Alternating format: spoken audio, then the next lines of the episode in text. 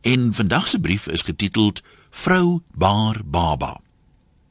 Dit voel nog soos nou die dag toe Charles vir Camilla gesê het, "Let's stop horsing around and have a more stable relationship." En nou is hy al 'n oupa. My dierbare vroutjie kan nie genoeg kry van babas nie, maar gelukkig het ek Annie darm nou al tot 'n mate gespeen. Sy kloek nou net oor ander mense se babas. Dus moes ons nou die aand eenvoudig kyk hoe wag almal op die geboorte. Ek volg nie eintlik die Britse koninklikes nie, om die waarheid te sê, toe ek die naam Katie hoor, dink ek aan Koos Kombuis. Maar dan lê hy toe in die kraamsaal. Bykans die hele wêreld wag buite en talle TV-kameras dek die opwindende wagproses regstreeks en ononderbroke. Die mengsel van tradisie en moderne media was vir my nogal vermaaklike kykstof. Op 'n stadium onderbreek die verslaggewer haarself en die kamera sny afwagtend weg na 'n geparkeerde motor toe maar niemand weet wie is in die motor nie. En as 'n skaduwee van binne oor die hospitaal se glasdeur val, dan begin die skare spontaan juig en ons hoor iemand gaan binnekort daar uitkom met 'n message of some sort.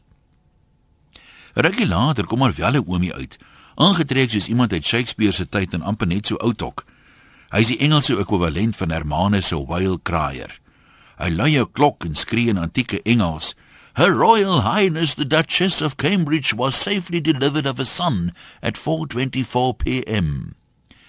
Dit laat my jongste spruit opmerk dat dit haar, soos dis nou die Duchess, soos 'n slagoffer laat klink wat uiteindelik bevry is van haar baba.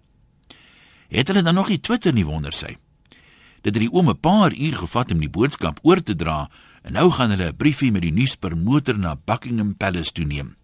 Weet koningin Elizabeth ooit haar skoondogter is swanger?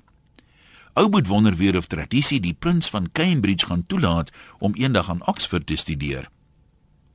Toe gaan praat die verslaggewers met die skare wat in die heining beur. Maar hulle het moeite om 'n Brit op te spoor.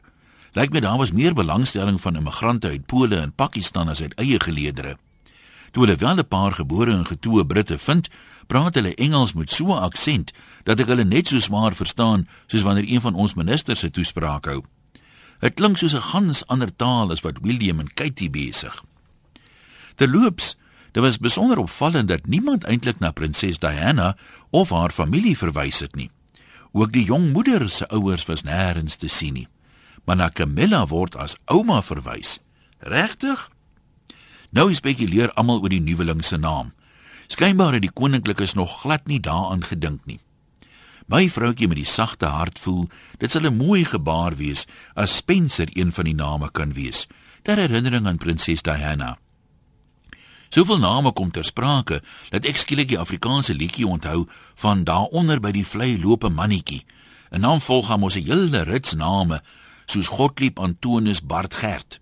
Maar my vrou sê nie een van hulle sal pas nie.